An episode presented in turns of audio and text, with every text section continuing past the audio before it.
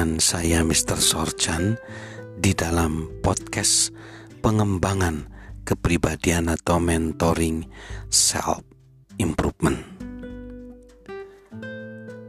Saat ini kita akan membahas orang-orang perlu merasakan keyakinan kita pada diri kita dan mereka.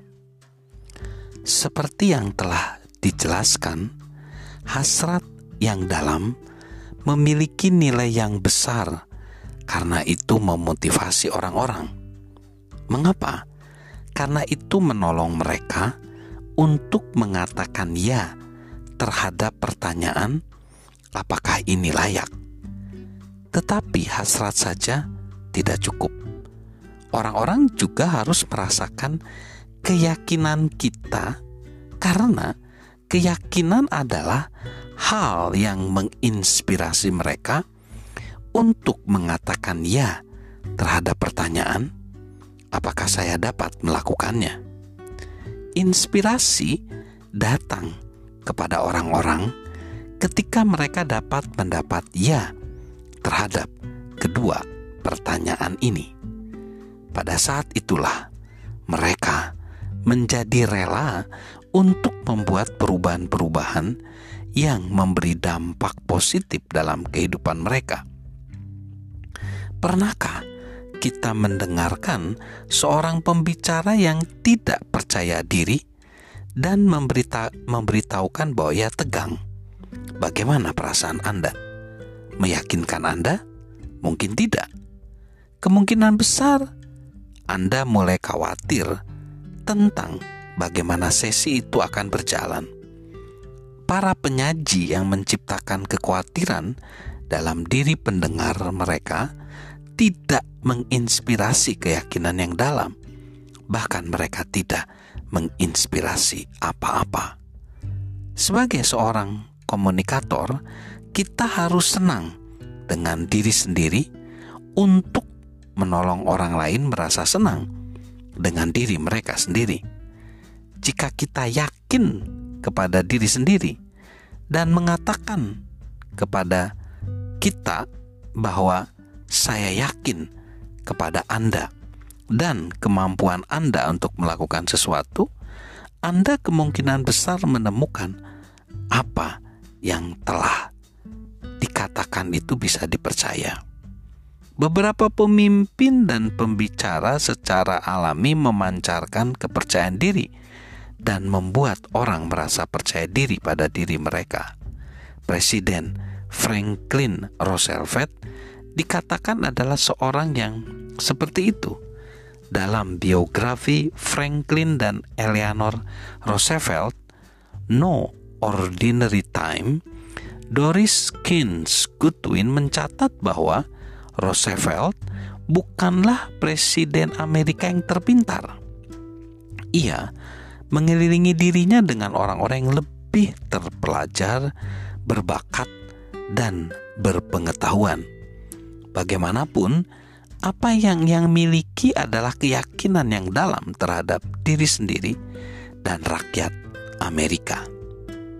Penasehat Gedung Putih Roosevelt, Sam Rosenman, mengamati bahwa presiden memiliki kemampuan untuk membuat orang lain percaya pada diri mereka. Ia berkata bahwa orang-orang yang terekspos terhadap keyakinan Roosevelt mulai merasakannya dan mengambil bagian di dalamnya, bersuka cita di dalamnya, dan mengembalikannya sepuluh kali lipat dengan keyakinan diri mereka sendiri.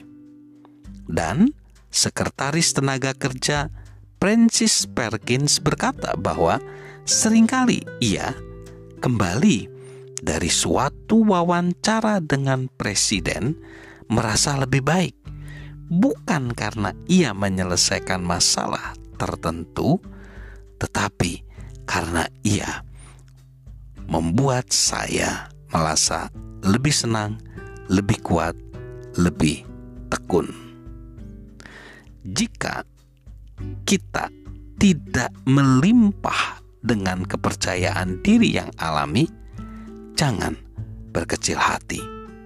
Kita masih dapat menolong pendengar kita merasa lebih percaya diri lagi jika kita mendekati komunikasi dengan cara yang tepat. Dalam buku mereka Influencer, Peterson, Granny, Maxfield, Macmillan, dan Switzerland menceritakan kisah tentang sekelompok montir mobil Amerika yang mengunjungi sebuah pabrik mobil Jepang dan saat kembali ingin mengatakan kepada teman-teman sekerja mereka bahwa mereka semua perlu bekerja lebih keras dan lebih cepat. Kisah itu menunjukkan bahwa hampir setiap orang dapat belajar untuk menjalin hubungan dengan lebih baik lagi dengan orang lain. Berikut ini sebuah kutipan yang menjelaskan bagaimana usaha para montir itu dalam komunikasi dan bagaimana mereka akhirnya menemukan bagaimana untuk menjalin hubungan dengan pendengar mereka dan menolong mereka merasa yakin bukan hanya kepada pembicara, tetapi juga kepada diri mereka sendiri.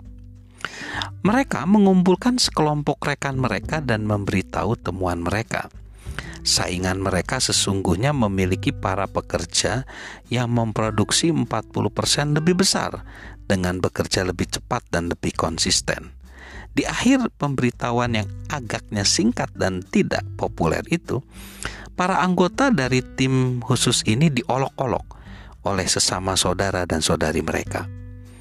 Tanpa takut, para wisatawan dunia itu mengumpulkan sekelompok orang lainnya dan menceritakan kepada mereka versi yang lebih dari apa yang telah terjadi. Lebih banyak olok-olok lagi yang mereka dapat. Akhirnya, pemimpin tim itu memilih pencerita terbaik dan menempatkan di kumpulan pegawai berikutnya ia tidak menghancurkan pesan itu dengan segera mengambil jalan pintas. Para pekerja bersatu atau mati. Sebaliknya, pencerita yang berbakat itu mengambil waktu 10 menit untuk menarasikan semua detil dari apa yang telah terjadi.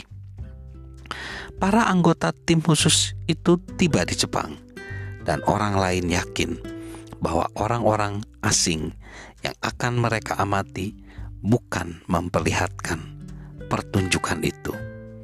Tentu saja mereka melakukan itu. Cemooh ada di para audiens. Tetapi tim khusus itu tidak dapat dibodohi.